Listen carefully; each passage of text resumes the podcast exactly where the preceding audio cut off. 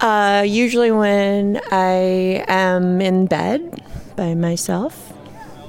I think of Dave Grohl, the musician from the Foo Fighters and the drummer in Nirvana.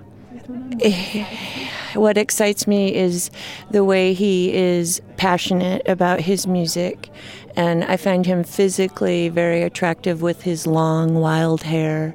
And my favorite Dave Grohl to fantasize about is the young Dave Grohl without a shirt, with no beard, playing drums in Nirvana. He and I definitely kiss, and we do other things that I'm embarrassed to talk about.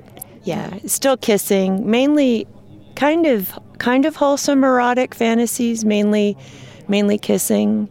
Um, and just the person telling me that, you know, I'm super hot, that kind of thing. Kind of tame, I would say, comparatively speaking.